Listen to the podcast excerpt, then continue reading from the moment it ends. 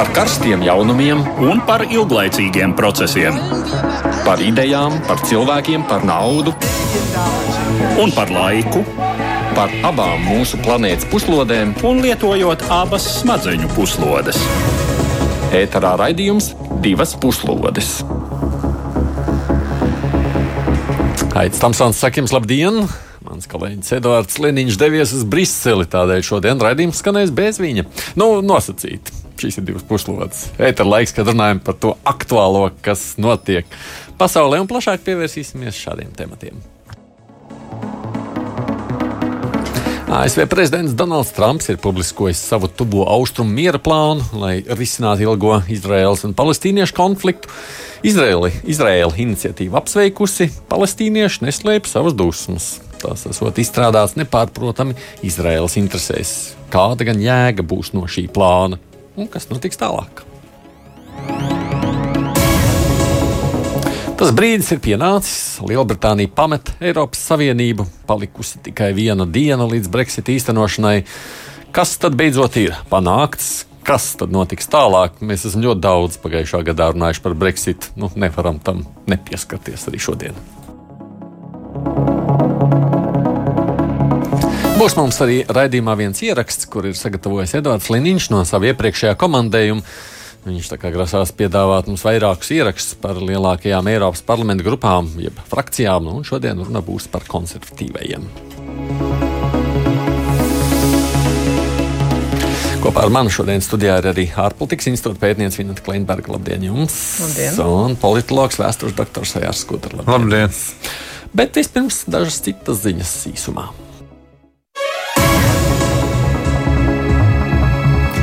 Pasaules veselības organizācija šodien ir atkal sasaukusi ārkārtas komiteju, lai lemtu, vai saistībā ar nāvējošā koronavīrusa uzliesmojumu Ķīnā iz- izsludināt augstāko ANO trauksmi veselības aizsardzības jomā.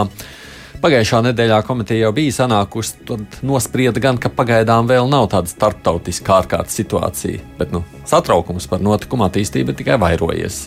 Strauji aug inficēto, mirušo skaits, turklāt vīrus tiek atklāts ar vien vairāk valstīs. Nu, tas pietuvojas, kā mēs dzirdējām, arī salīdzinoši tuvu Latvijai. Trešdien ir hospitalizēta viena Ķīnas turista mums tuvējā Somijā. Daudzas valsts un kompānijas cenšas spērt dažādas piesardzības pasākumus. Turklāt vairums no tiem ir arī kardināli. Tiek slēgts robežas. Piemēram, Japānas autobūvas kompānija Toyota aizver visas savas rūpnīcas Ķīnā vismaz līdz 9. februārim. Nu, daudz avio kompānijas un turisma firmas pārtrauc jebkādas sakars ar Ķīnu. Tur nelido ne Lufthansa, ne British Airways. Savukārt virkne valsts cenšas pārvest no Ķīnas savus pavalsniekus. Viens ir Latvijas. Eiropas komisija paziņoja, ka vēlmi pamest Ķīnu izteikuši ap 600 Eiropas Savienības valstu pilsoņu.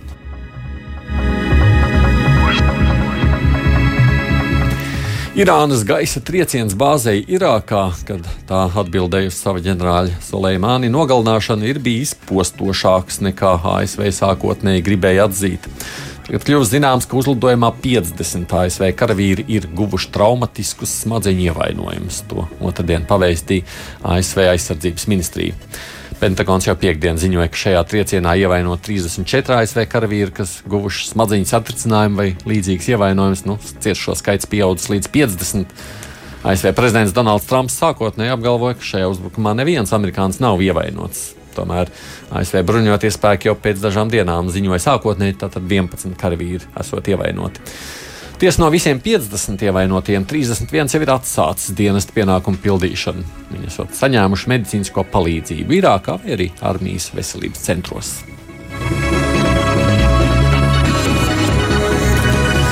Bijušais Katalonijas premjerministrs Karls Puigdemons ir lūdzis Katalonijas neatkarības atbalstītājs ziedot naudu, lai viņš un 19 citi politiķi varētu atmaksāt vairāk nekā 4 miljonus eiro, kas no Spānijas valsts līdzekļiem tika iztērēti neatkarības referenduma sarīkošanai.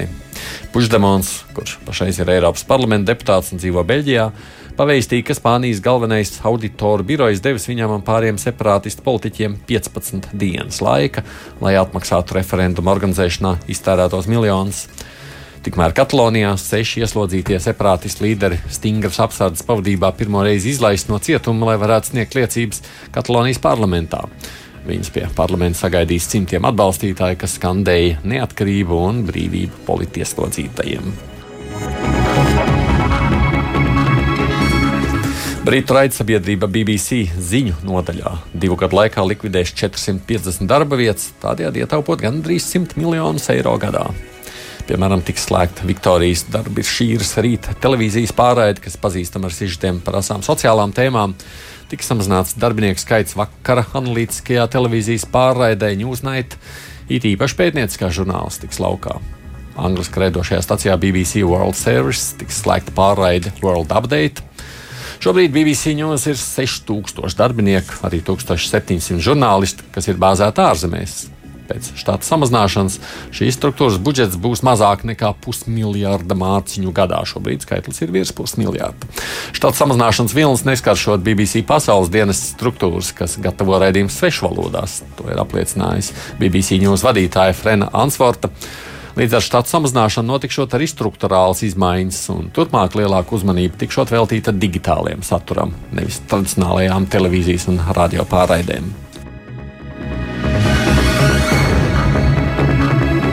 Ne jau tikai Latvijā ir aizdomas, ka kādi uzņēmēji iedzīvojas uz nesamērīgi dārgiem līgumiem, kas noslēgti ar valsts iestādēm. Čehijā 60 programmētāji bez maksas izveidojuši alternatīvu IT sistēmu, kas nepieciešama, lai pārdotu uzlīmes par samaksāto autoceļu nodevu. Programmētāji apgalvo, ka valdības noslēgtais līgums ir nesaprotami dārgs. Proti, premjerministra Andreja Babiša valdība bez konkursa noslēdza līgumu ar polijas kompāniju par 16 miljoniem eiro. Sašuts par tik lielu summu uzņēmuma aktumu īpašnieks Tomāšs Vondrāčiks organizēja hackathonu, kurā 60 programmētāji no Čehijas un ārzemēm šādu sistēmu izstrādāja par velti. Mūsu vadīja vēlme protestēt pret nesamērīgi dārgo valdības līguma sistēmu, kur dēļ tiek izšķiesta mūsu nauda. Tā žurnālistiem sacīja Vondrāčiks. Tagad skandāla dēļ jau amatu ir zaudējis transporta ministrs, bet premjerministrs Babišs paziņoja, ka valsts izmantos jauno bezmaksas sistēmu, ja tā izturēs pārbaudas. Bet no tagad par sākumā minētajiem tematiem plašāk un vispirms par tuvajiem austrumiem. Otradien ASV prezidents Donalds Trumps prezentēja savu tuvo austrumu miera plānu. Šim notikumam veltītā preses konference notika kopā ar Izraēlas premjeru Benjaminu Netanjahu, un Trumps paziņoja, ka Izraēla ir spērusi lielu soli miera virzienā un šī esot iespējams pēdējā palestīniešu iespēja izveidot savu valsti. Plāna galvenās sastāvdaļas ir sekojošas. Jeruzaleme paliek kā Izraels galvaspilsēta, un daļa no austrumu Jeruzalemes kļūst par Palestīnas galvaspilsētu. Izraela anektēs trešdaļu okupēto palestīniešu rietumkrasta teritoriju, kas tiks kompensētas ar diviem tūkstneša rajoniem līdzās robežai ar Ēģipti. Palestīnas bēgļiem nebūs tiesības atgriezties dzimtajā zemēs, kas iepriekšējos konfliktos tika pievienots Izrēlai, un Palestīnai jābūt demilitarizētai valstī. Šis nav pirmais mēģinājums atrisināt Izraēlas-Palestīnas konfliktu, taču iepriekš jautājumi par palestīniešu bēgļiem, abu valstu robežām, ebreju apmetnēm, rietumkrastā un Jeruzalemes statusu tika atstāti abu valstu divpusējām sarunām. Šoreiz tiek piedāvāts risinājums arī šiem strīdīgajiem jautājumiem, un, kā norāda analītiķi, piedāvājums spēlē par labu Izrēlai. Bet daži analītiķi pat norādījuši, ka šis plāns ir nevis mieram, bet Netanjahu pārvēlēšanai. Liek piebilst, ka Palestīnas puse šo plānu jau ir noraidījusi. Bet ANO ģenerālsekretārs Antonio Gutjeres šotrdien paziņoja, ka apvienotās nācijas joprojām atbalsta palestīniešu un izrēliešu konflikta risinājumu saskaņā ar ANO rezolūcijām, starptautiskajām tiesībām un divpusējiem līgumiem. Atgādinu, kopā ar mums šeit studijā Vineta Kleinberga, Gajārs Skudra. Kāda jēga no miera plāna, ja viens saka, ka tas taču nav nekas vispār vērā ņemams? Kas tas par plānu? Klimbergs kundze. Kaut kādā mērā nevarētu teikt, ka tas būtu liels pārsteigums no prezidenta Trumpa puses tas ir kaut kādā mērā jau turpinājums pirms nepilnas gadus, uzsā, divus gadus uzsāktajām aktivitātēm, kad Amerikā atvēra savu vēstniecību. Nu, viņam ļoti patīk Izraela. Vai ne tādā veidā Jā. leģitimizējot jau šos procesus. Un, ja teiksim, tik minēts, nu, pat, ka šis plāns patiesībā varētu kalpot Netanjahu pārvēlēšanai, tikpat labi šis plāns varētu būt nācis klajā šai brīdī, lai kalpotu arī Trumpa pārvēlēšanai. Respektīvi, šobrīd uh, Trumps pozicionējas lielā mērā kā līderis pasaulē, kurš atrisinās visus sasāpējušos pasaules Nu, neko jautājumus. taču viņš tur neatrisinās. Viņš nāk klajā ar radikāliem piedāvājumiem. Šis ir viens no tiem. Līdz ar to es teiktu, ka Tā tas ir nevis miera plāns, bet vēlēšana plāns. Miera plāns, bet priekšvēlēšana plāns. Un tajā, ā, teiksim, miera plāns būtu. Tas tajā gadījumā, ja tajā tiktu iesaistīts visas puses, šajā brīdī mēs redzam, ka tā ir iesaistīta tikai Izraela, tajā nav iesaistīta Palestīna. Te vēlētāji tādi galīgi muļķi, ka viņi to nesaprot. Es domāju, vismaz iekšēji. Nē, es domāju, ka vēlētāji noteikti nav muļķi, bet uh, priekšvēlēšana kampaņās uh, bieži vien tiek izmantotas uh, visas kārtas. Nu, Skandrs kungs, jūs piekrītat šādam definējumam? Um, nu, tas, manuprāt, būtu mazliet vienkāršots uh, Trumpa nolūku un Beņ Benjamina Netanjahu nolūku raksturojums. Mm, Te uzreiz piebildīšu, ka spriežot pēc reakcijām, mums ir darīšana ar diviem valstu blokiem, kas ir nu, tieši atrodas tiešā Palestīnas un Izraels tūmā. Tā tad pret šo plānu, kur izvirzīs uh, Trumps, iestājas Turcija, Sīrija, Libāna, Jordānija un Irāna. Uh, un Jemena vēl jāpiebilst, uh, tad arī pret par ir Ēģipte, Saudārābija, Bahreina, uh, Katāra, apvienotie Arābu Emirāti un Omāna. Mm -hmm. uh, tā tad uh, tas nozīmē, ka veidojās, uh, nu, teiksim tā, zināmā mērā jauna ģeopolitiska situācija, kas ir arī viens no Trumpa mērķiem. Uh, te ir jāpasaka tā, ka mm, uh, Trumps šo, šo savu uh, risinājumu, teiksim tā, pavadienu piedāvā četriem gadiem. Uh, viņš sola, ka bez amerikāņiem vēl kādas citas valstis pagaidām vārdā nenosauktas ir gatavas Palestīnā ieguldīt 50 miljardus dolāru uh, kaut kādā laika periodā. Uh, un ir pilnīgi skaidrs, ka nu, es piekritīšu šajā ziņā skeptiķiem, nevis tam, ko tā, saka Trumps. Ka, ka principā tas ir pakāpenisks ceļš uz pilnīgu atteikšanos no tā dēvētā divu, gadu, eh, divu valstu risinājuma, eh, ko šī plāna realizācija de facto arī nozīmēs. Tiesa gan eh, daži saka, ka var saskatīt, ka pastāv iespēja veidot Palestīnas un Izraēlas konfederāciju. Tā tad kaut kad tālākā nākotnē realizējot šo, šo plānu. Uh, Bet nu, es piekrītu skeptiķiem, ka ceļa atpakaļ uz to, ko piesauc mm, kā apvienotajās nācijās un vēl citu atbalstīto par tām divām valstīm un 67. gada robežām un tā tālāk. Un tā tālāk. Tā, tā, manuprāt, pat labi pārskatāmā nākotnē, pārskatāmā desmitgadēs ir pilnīgi utopija. Nu, labi, un Eiropas Savienības nostāja šajā Eiropā ir sacījusi līdzīgi kā ANO stāsts par divām valstīm. Grūti teikt, Eiropas Savienība turpina savu līdzinējo nostāju. Es domāju, ka tādas ā, ļoti plašas debatas Eiropā vēl nav bijušas. Ā, Jāskatās, Nu, viņas tagad, viņi tagad lemšot, kā reaģēt uz šo. Tā sacīja šodien ārlietu ministrs studijā. Nu, Jā, nu, ko viņi var nolemt? Nu, viņi, ko viņi ies pret Ameriku? Tojos austrumos, ja runājam par Eiropas Savienību. Uh, Trumps teica, ka viņš gaida NATO līdzdalību to austrumu problēmu risināšanā. Ar to domājot Irānu. Nevis Izraēlu un Palestīnu, protams. Mm -hmm. Un, protams, arī ne Sīriju. Nevelti Benjamins Netanjahu šodien pabija Maskavā īsā darba vizītē, kur noziņoja par to, ko runājas ar Trumpu.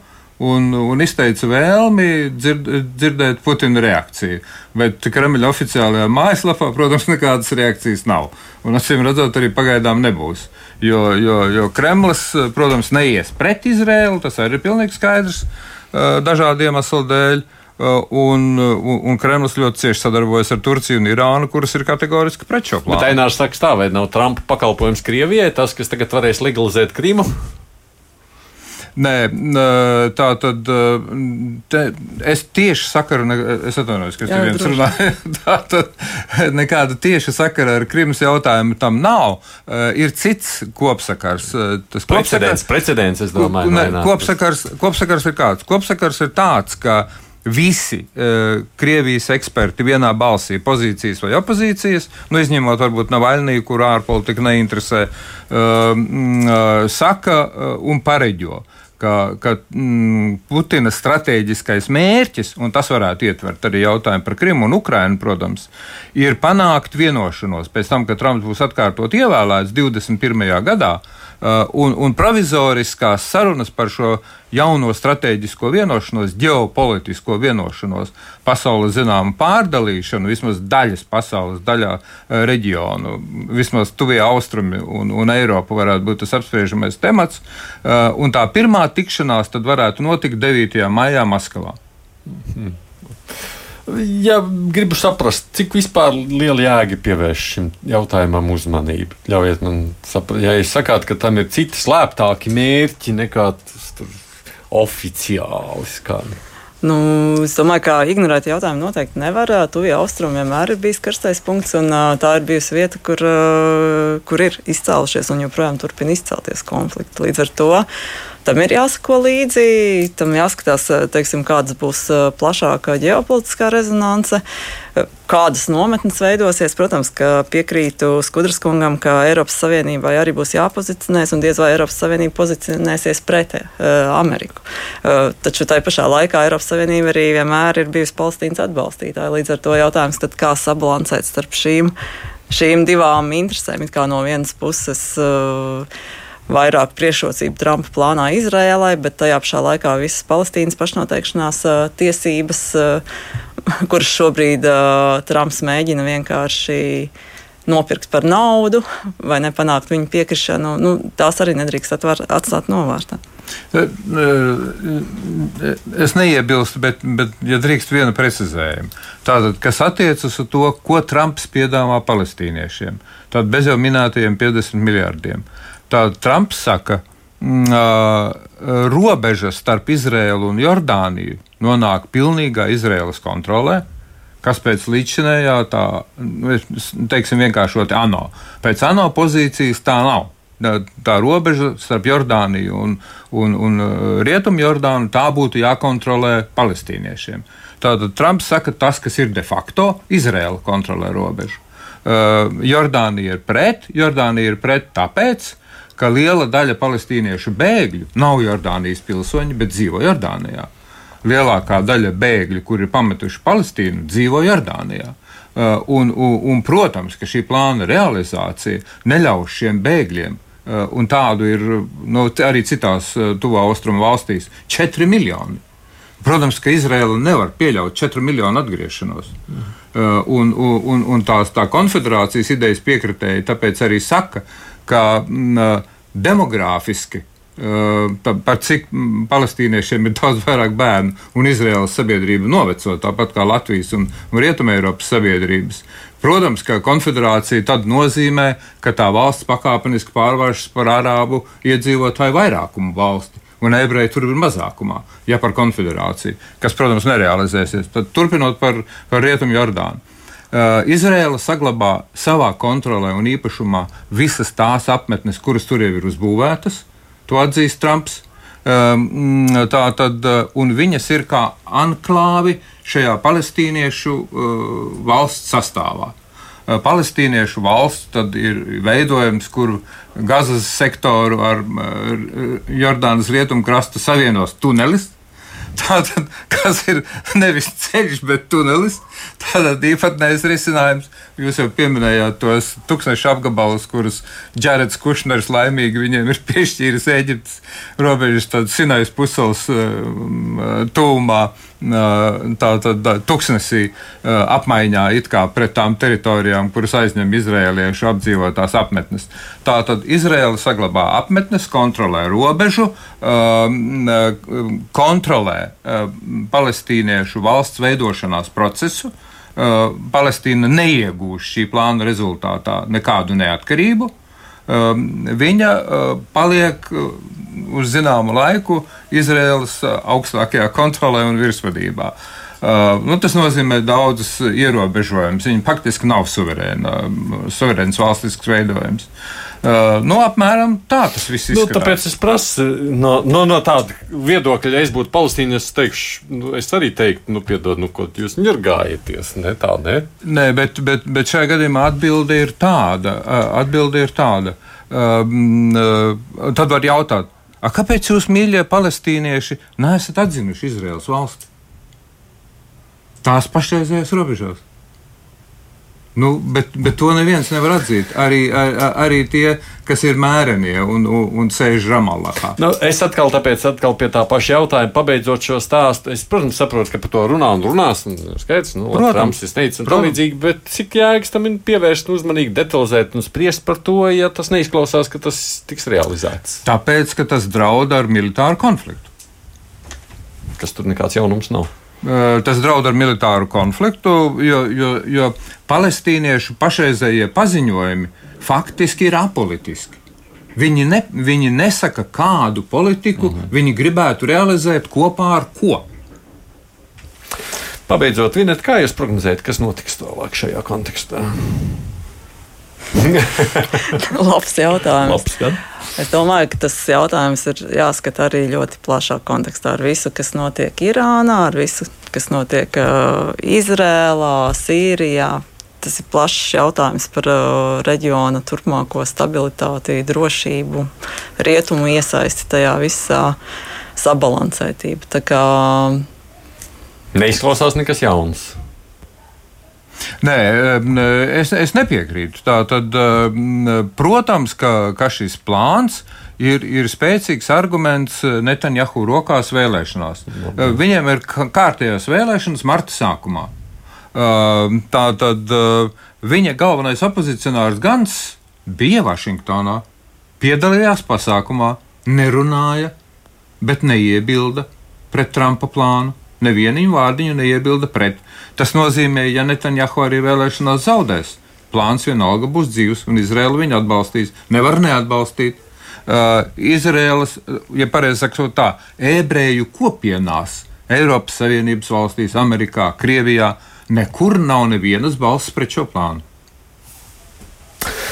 Nu, labi, skatīsimies, kas notiek tālāk. Turpinām par citu tematu, nu, par Brexitu.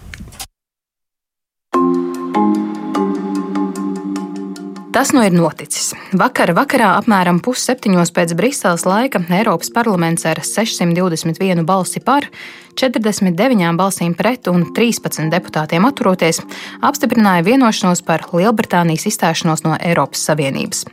Līdz ar to ir noslēdzies process, kuru iesāka 2016. gada 23. jūnija Lielbritānijā notikušais Brexit referendums. Līdz ar 31. janvāra pēdējo sekundi Lielbritānijas un Ziemeļīrijas apvienotā karaliste pārstās būt Eiropas Savienības sastāvdaļa. Vakardienas debatēs pirms balsojuma daudzi runātāji pateicās saviem aizejošiem kolēģiem, visiem britu politiķiem un britu nācijai par teju pusgadsimta laikā doto pienesumu savienības veidošanā un attīstīšanā. Daudzi citi pauda pārmetumus britu politiskās elites un arī mediju bezatbildībai, veicinot sabiedrībā antieiropeiskas tendences. Sevišķi skaudrs bija daudzu Lielbritānijas pārstāvju - Liberāla demokrātiskās partijas, Skotijas Nacionālās partijas, Velses partijas, Plaid Kamrī, Ziemeļīrijas, Sinn Fein un Ziemeļīrijas alianses partijas uzrunas, kurās citas starpā skanēja apņemšanās atgriezties. To pašu viņiem vēlēja arī daudzi kolēģi. Protams, triumfa un zvaigžņu stunda šī bija Nigelam Farāžam un viņa Brexita partijai, taču līdz ar to viņu loma kā Eiropas, tā Lielbritānijas politikā ir izspēlēta. Britu deputātiem pamatot Eiropas parlamentu, tā vietu skaits samazināsies no 751 uz 705. Lielākā zaudētāja no Britu aiziešanas ir Liberāla centriskā alianse Atjaunot Eiropu, kura līdz ar Britu liberāla demokrātiem zaudēs 17 vietas, bet vietā iegūs tikai 6. Arī vairuma citu parlamentu apvienību bilants šajā ziņā ir negatīva. Vienīgās grupas, kuras no šīm pārmaiņām iegūst, ir labēji centriskās Eiropas Tautas partija un nacionālistu, populistu un eiroskeptiķu grupa Neatkarība un demokrātija. Tomēr būtiskas izmaiņas politisko spēku samērā Eiropas parlaments nav piedzīvojis.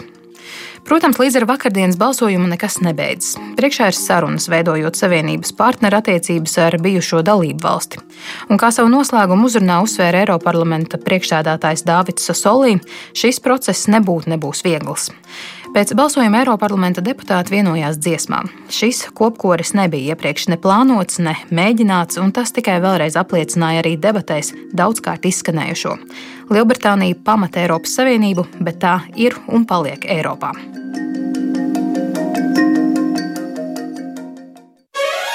Divas puslodes.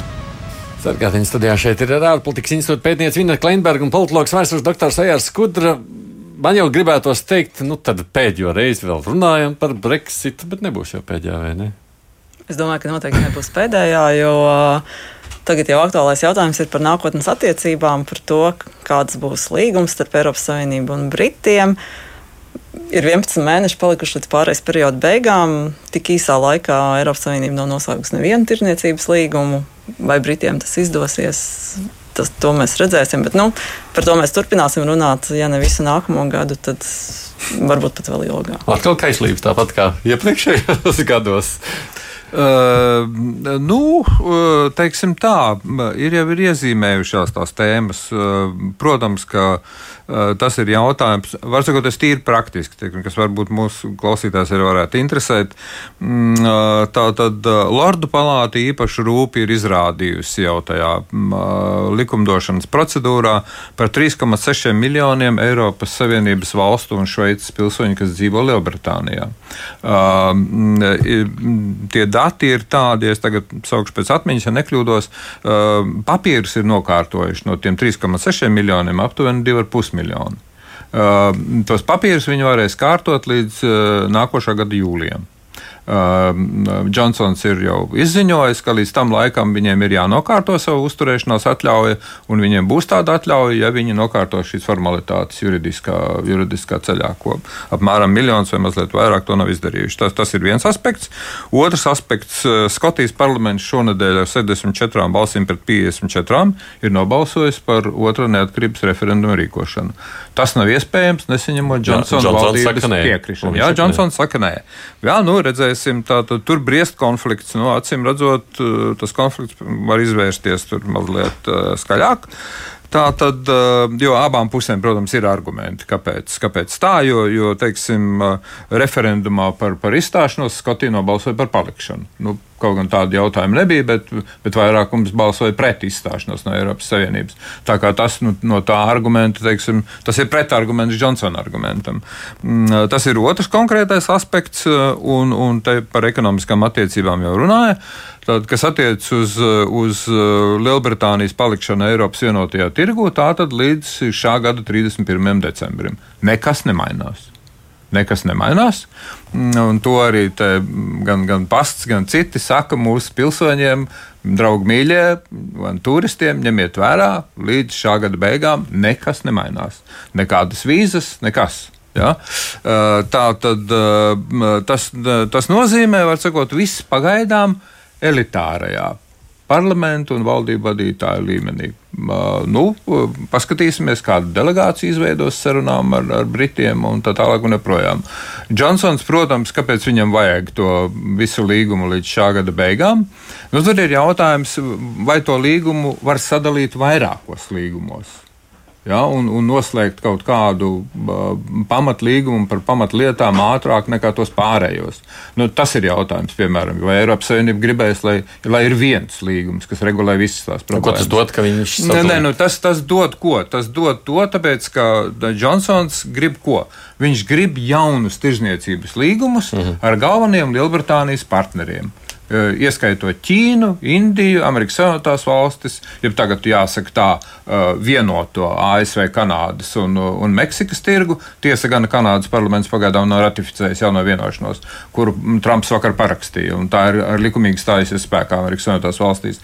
Bet Džonsons bez vienošanās ar Eiropas Savienību šos līgumus nevar noslēgt.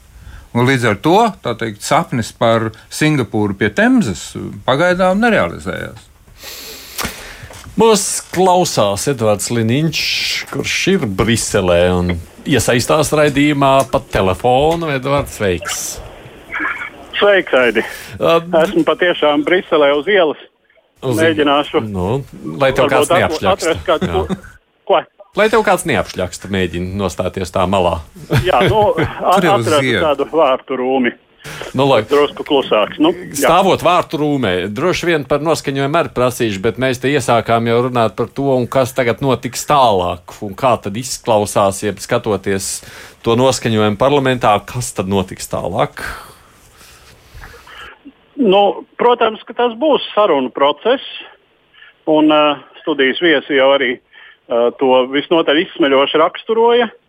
Uh, tā kā, jā, nu, Lielbritānijai tagad ir jācenšas īstenot tas, par ko Boris Džonsons un arī daudzi citi britu konservatori ir runājuši pēdējos gadus, intensīvāk pēdējos mēnešus, arī vakar.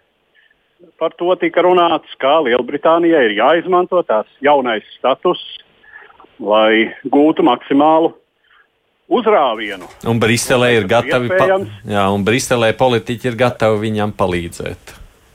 Nu, palīdzēt, protams, vairs nē. Uh, Lielbritānija ir pateikusi, ka tai palīdzība tādā nozīmē, kā līdz šim nav vajadzīga.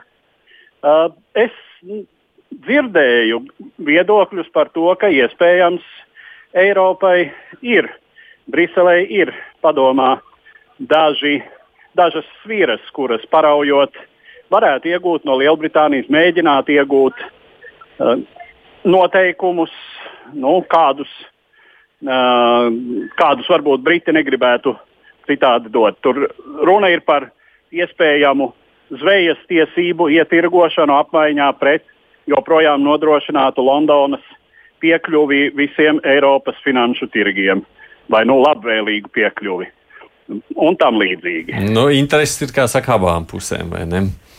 Interesi ir abām pusēm, un, un, jā, un tagad, tagad tā sacīt, viņas majestātes valdībai Eiropā vairs tādu īsti draugu nav. es atļaušos pārfrazēt šo eh, klasisko frāzi, nu, ir intereses. Jā.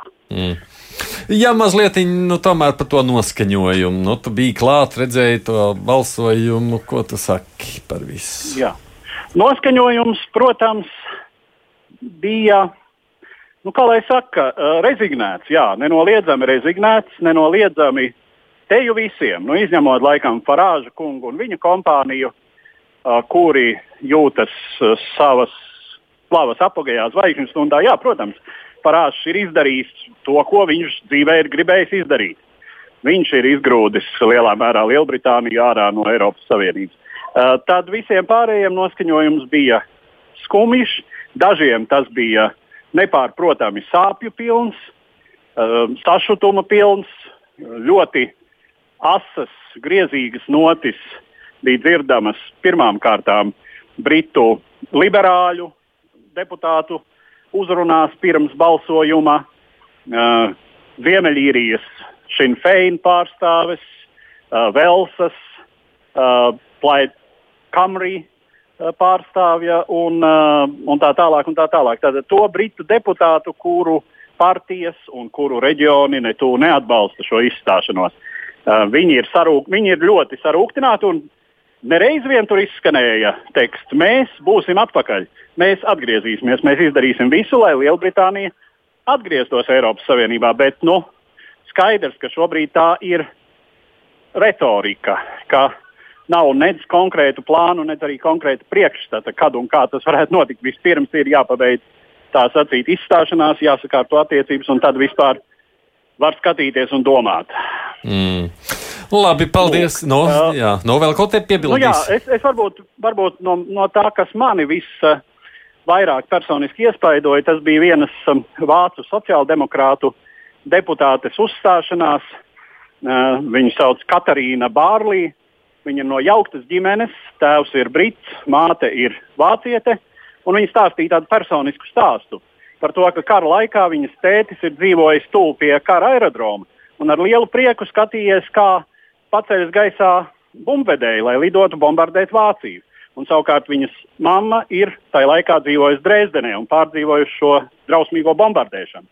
Un kā viņa teica, tad doma par to, ka viņas tētis ir priecājies par lidmašīnām, kuras teju nogalināja viņas mammu, ir tas, kas viņai ir licis iet politikā un darīt visu, lai nekas tāds Eiropā vairs neatkārtotos.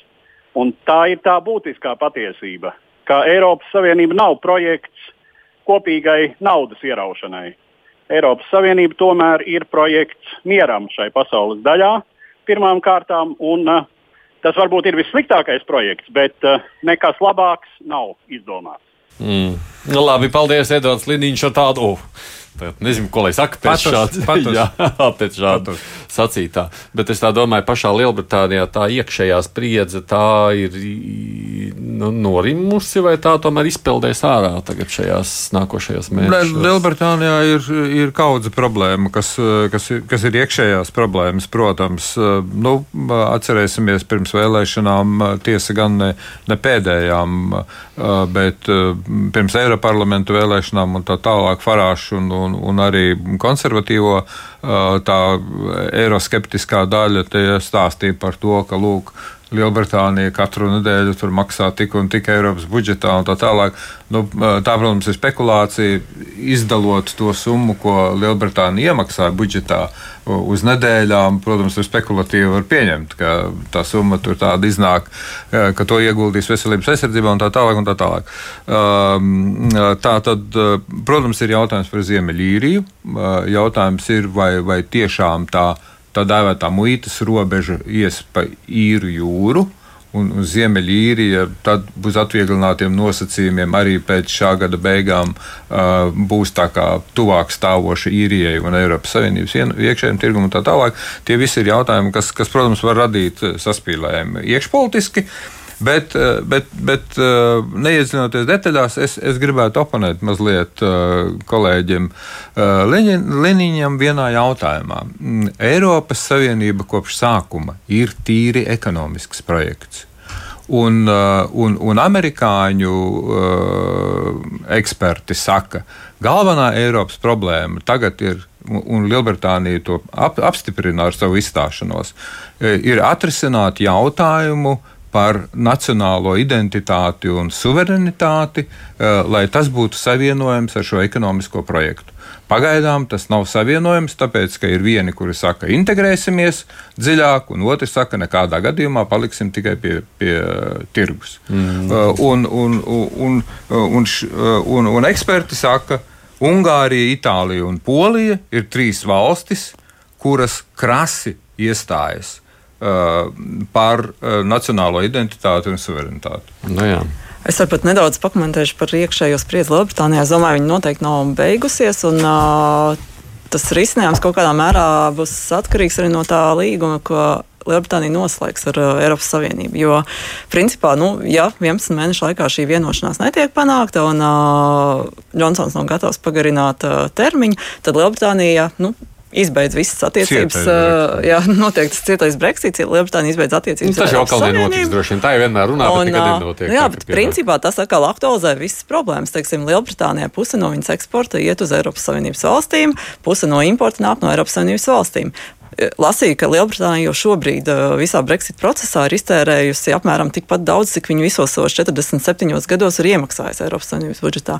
Respektīvi, finansiāli un ekonomiski Lielbritānijai tas jau šobrīd ir liels šoks un būs vēl lielāks, ja šo tirdzniecības attiecību nebūs. Mm. Tāpat jau minētais Ziemeļīrijas jautājums. Ja Lielbritānija izstājas bez uh, līguma ar Eiropas Savienību, tad uh, nu, kas notiek ar Ziemeļīriju? Momentā ir cietā robeža starp īriju un Ziemeļīriju, mm. muitas pārbaudas, vīzas process un tā tālāk. Viss miera process vējā. Līdz ar to eh, šobrīd, nu, labi, ir sentiments, protams, bet tā, tas, kas ir jādara Lielbritānijas valdībai, ir ļoti ātri, skrupulozi jāstrādā pie jaunā līguma, nodefinējot pašai priekš sevis, kas tas būs. Vai tas būs tikai tirzniecības līgums, vai tomēr tas ietvers arī kaut kādu muitas savienības uh, daļu, kaut kādu plašāku vienošanos, kas ļautu arī risināt šo Ziemeļīrijas jautājumu. Jo, ja godīgi, es šobrīd nespēju iedomāties, kā tas varētu darboties, ka nebūtu robežas starp īriju un Ziemeļīriju. Uh, robeža būtu kaut kur īrijas jūrā, tur tiktu pārbaudītas preces, kas iet uz Ziemeļīriju no Lielbritānijas, un potenciāli varētu aiziet uz īriju. Kurš mm. noteiks, kuras ir tās preces, mm. kas paliks Ziemeļīrijā, un kuras potenciāli mm. varētu aiziet Eiropas Savienības vienotajā tirgu? Līdz ar to nu, tas ir jautājums arī par šo muitas savienību. Bet, protams, ka Briti šobrīd varbūt ir sajutusi brīvības garšu, vai ne, ka viņi grib slēgt līgumu ar visām pasaules valstīm, tirniecības līgumus ar visām pasaules valstīm, un ka viņiem ne, negribas šobrīd uh, neko ciešāku ar Eiropas Savienību, nu, kas attiecīgi ierobežot viņu iespējas slēgt līgumus ar tām pasaules valstīm. Bet nu, tas ir uzdevums šobrīd Džonsona valdībai sagatavot savu nostāju priekšlikumus, kā tad 11 mēnešos noslēgt tirdzniecības līgumu ar Eiropas Savienību. Tā kā mēs prognozējam, gada beigās būs atkal tas pats, ko mēs vērojam pagājušajā gadā. Tas pat nebūs gada beigās, tam jānotiek jau jūnijā. Ja jā, jā. Pusēm jau jā. jūnijā ir jāvienojas par uh, termiņu pagarinājumu, ja viņi redz, ka līdz gada beigām līgumu nav iespējams noslēgt. Jā. No, jūs prognozes? Ne, manas prognozes ir tādas, ka. Mm, uh, rēķinoties ar ļoti spēcīgo eiroskeptisko frakciju konservatīvo partijā un Džonsonu kā personību, kā līderu personību, es uzskatu, ka viņš spēlēs. Eh, un, un, un, protams, ka viņš darīs visu, lai saviem vēlētājiem varētu pateikt, lūk, Eiropas Savienība gribēja jūs pazemot, sagādāt jums ekonomiskus zaudējumus, tāpēc es ar viņiem tādu vienošanos neslēgšu un šī kārta strādā. Un tad? Un tad, eh, nu, tad Eiropas Savienībai būs tā lielā izšķiršanās, vai viņi būs spējīgi vienoties par vienotu pozīciju. Ar to domu, ka beigās tā, tā, tā kārts būs Eiropas pusē. Jā. Labi. Mm, jā, nepaspēsim vairs neko pārnāt, skatoties uz laiku. Es saku tā, mums ir vēl viens temats šodien mūsu uzmanības lokā. Tikai tas šoreiz nebūs studijā, bet gan ierakstā. Kolēģis Edvards Liniņš, kurš ir Briselē pēc komandējumiem, iepriekšējiem komandējumiem uz Eiropas parlamentu, viņam dzīvo doma, ka vajadzētu arī mūsu klausītājus iepazīstināt ar lielākām Eiropas parlamentu politiskajām grupām. Un par citām dzirdēsim, bet šoreiz sāks ar apskatu par konservatīvo un reformistu politisko grupu, arī vēstures tāds cieši saistīti ar Brexitu. Eiropas konservatīvo un reformistu politiskās grupas aizsākumi meklējami ap 2005. gadu, kad arvien nozīmīgākas pretrunas iezīmējās starp Lielbritānijas konservatīvo partiju un tās partneriem labēji centriskajā Eiropas Tautas partijas koalīcijā. Britu konservatīvo vidē nobrieda ideja par nepieciešamību veidot savu Eiroparlamenta grupu, piesaistot līdzīgas ievirzes labējās partijas. Tajā pat laikā nobrieda krīze toreizējā grupā Savienība par Nāciju Eiropu, kad to pameta vairākas ietekmīgas partijas. Brūkošās Savienības par Nāciju Eiropu dalībnieki, taiskaitā toreizējā tēvzemē un brīvībai LNNK, kļuva par potenciālajiem britu konservatīvo sabiedrotajiem jaunās politiskās grupas veidošanā. Lūk, kā šos notikumus atceras viens no galvenajiem Eiropas konservatīvo un reformistu grupas iniciatoriem senatoriem britu eirodeputāts Jeffrijs Van Ordens. Britu konservatīvie jutās ar vien nekomfortablāk Eiropas Tautas partijas aliansē. Viens no Eiropas Tautas partijas programmatiskajiem principiem ir Eiropas politiskā integrācija, kam mēs pašos pamatos nepiekrītam. Tā vēlējās arī veidot Eiropas armiju, Eiropas federālo izmeklēšanas biroju, Eiropas tiesnešu korpusu, iecelt Eiropas pārstāvu apvienotajās nācijās. Tā nu vairākus gadus mēs mūsu partijas iekšienē un arī ar citu partiju pārstāvjiem apspriedām jaunas politiskās grupas izveidas iespēju. Parlamenta noteikumi paredz nosacījumus liekas jaunas grupas izveidēji. Grupā jābūt vismaz 25 deputātiem, kuri pārstāv vismaz ceturdaļu no Savienības dalību valstīm.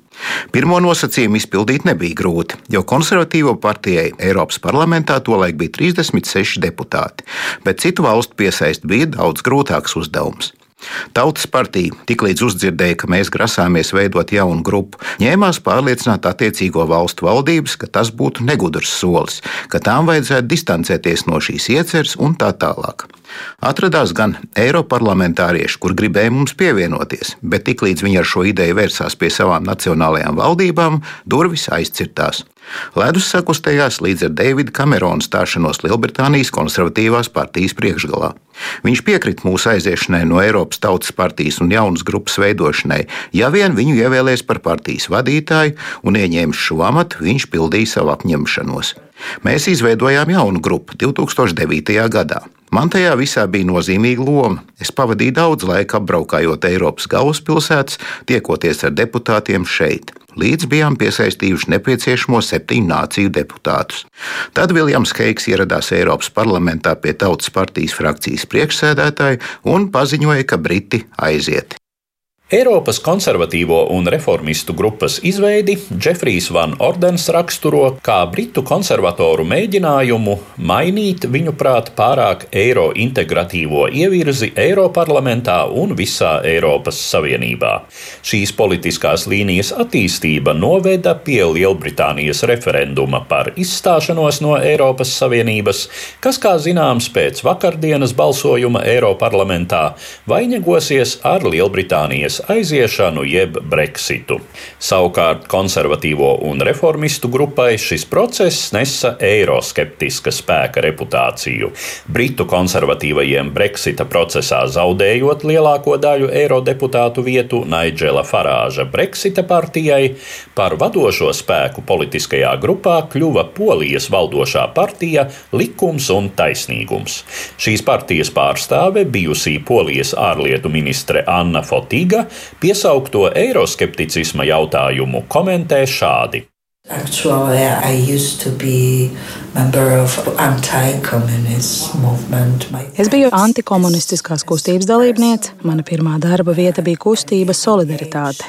Taisnība sakot, es vienmēr atbalstīju Polijas iestāšanos Eiropas Savienībā un NATO un vispār pievienošanos rietumu pasaulē. Tā bija solidaritātes ideja - izvērst šo attīstību arī uz mūsu kaimiņu valstīm austrumos. Tas būtu patiešām dīvaini, ja es sevi dēvētu par eiroskeptiķi. Bet kā persona, kas bijusi iesaistīta antikomunistiskajā kustībā un cīnījusies par manas valsts neatkarību, es esmu vienkārši piesardzīga, atsakoties no kādas savas valsts suverenitātes daļas. Es allaži izvērtēju piedāvātās izmaiņas dalības līgumos. Es teiktu, ka es vienkārši nemēdzu rīkoties sasteigti, pieņemot kādus Eiropas līmeņa pasākumus. Mēs, manuprāt, esam pozitīvi domājoši. Mēs vienkārši gribam rīkoties konsekventi, profesionāli, lai pārliecinātu mūsu Eiroparlamenta kolēģus ievērot mūsu uzskatus.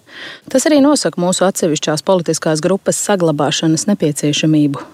Esot kādā no dominējošām politiskām grupām, tādā kā Tautas partija, jums nākas vienkārši saplūst, sajaukties, balstīt vairākumu uzskatus, un vairuma uzskats konkrētajā gadījumā ir ātra virzība uz integrāciju. Bet es domāju, ka par šo jautājumu ir jāpareflektē.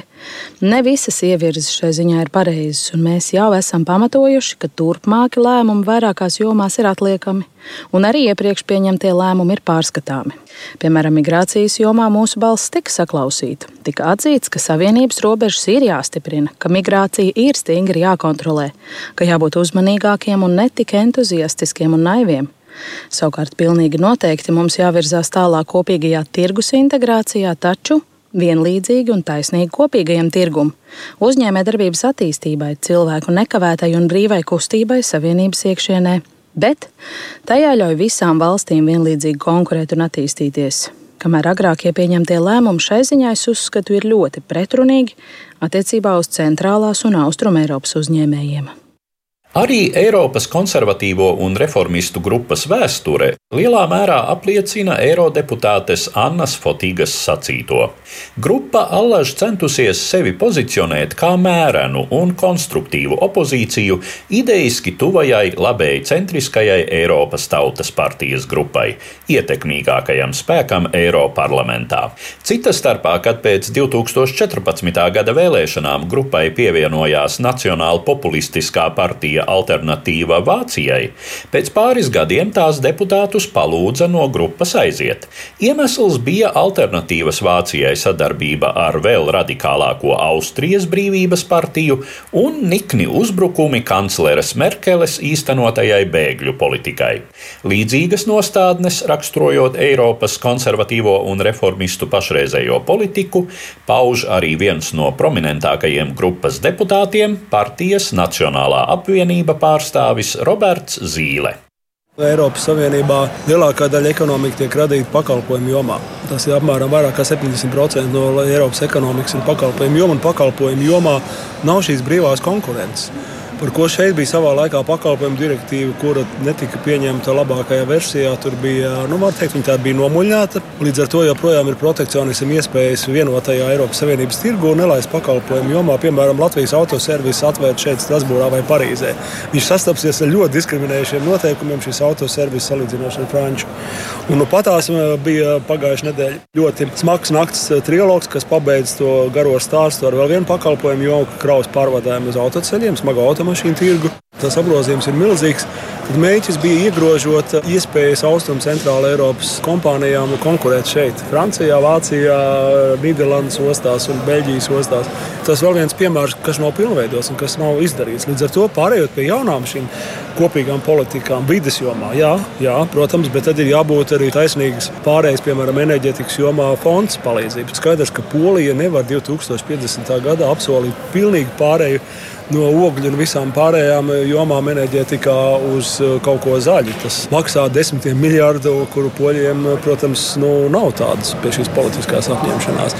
Vai atkal, ja mēs skatāmies uz jaunām tehnoloģijām, jaunām inovācijām, tad mēs paskatāmies, kur tas viss ir attīstījies vairāk, tad mēs redzam, Nu, patīk mums vai nepatīk, tas nav Baltijas valstīs. Piemēram, tas ir Nīderlandē un vēl daudz kur citur. Pie tam saistībā ar zaļo ne tikai enerģētiku, bet arī rūpniecības un pat lauksaimniecības ziņā Šeit ir pētniecības centri, kas ir tālu tikuši inovācijai. Līdz ar to skaidrs, ka šāda veida budžeta pārbīdes nozīmē, ka Eiropas Savienības šis nelielais visumā budžets, kas ir 1% orientējošs no iekšzemes koprodukta, aizplūdīs lielā mērā uz šīm bagātākām valstīm. Tas nozīmē atkal, ko Tas nozīmē, ka jaunā paudze dzīvojot nabadzīgākās valstīs nekā vidē Eiropā, nu, piemēram, Latvijā, būs motivēta savus labākos gadus pavadīt tur, kur viņai būs lielākas iespējas sevi pilnveidot, tā skaitā materiāli un arī no nu, tīri profesionāli. Un tas ir tas, kas ir netaisnīgi. Un līdz ar to ne šim zaļajam dīlam, žargonā runājot, ne arī šīm jaunām inovācijām. Jautājums, ja jūs spēlējat ar atklātu domu, ka Eiropas Savienībā dzīves apstākļi izlīdzinās, tad tur var būt kompromiss, bet ja nē, tad es domāju, ka mēs Eiropas konservatīvu reformistu grupā, kurā ir īstenībā ļoti daudz deputātu no Austrum centrāla Eiropas valstīm, mēs neklusēsim. Šķiet, ka tas, kas bija gadus, teiksim, 7, 8 atpakaļ, kad visi runāja par federālismu, tas ir beidzies pašlaik. Protams, nav skaidrs, kā attīstīsies šī jaunā iniciatīva, kas nāk vairāk no parlamenta, mazāk no dalību valstīm par Eiropas nākotnes tādu kā konventu, vienu, kas varētu teorētiski mēģināt vēlreiz izveidot vēl vienu konventu un uzrakstīt vienu jaunu līgumu Eiropas, ko grib Makrons. Bet izskatās, ka liela atbalsta tam nebūs. Tad tas federālisms tīrais veids ir pašlaik noklusis. Kopumā es neredzu tik daudz bīstamības no federālisma principiem, jo arī ja jūs budžetā strīdaties par 1% no iekšzemes koprodukta vairākus gadus, tad par kādu federālu pieeju jūs varat pieņemt. Vēl viena būtiska lieta ir aizsardzības veidošana. Aizsardzības savienība, ko pieteica jau kādu labu laiku, tagad viņi piepildās ar naudu konkrētiem mēķiem. Tur pamatā nauda aiziet eh, pētniecībai un attīstībai, bet ja mēs paskatāmies, cik daudz vadošās militārās industrijas kompānijas, kurās valstīs ir. Tas skaidrs, ka lielākā daļa ir, ir Francija, Itālija, daļai Vācija. Nu, bija Lielbritānija, bet Lielbritānija nebūs vairs. Līdz ar to skaidrs, kur tā nauda paliks. Un te ir atkal tādas nu, netaisnīgas sajūtas, kas kopumā rada spriedzi vēl vairāk, ka mūsu drošība Baltijas jūras krastiem ir vairāk atkarīga no NATO neapšaubām.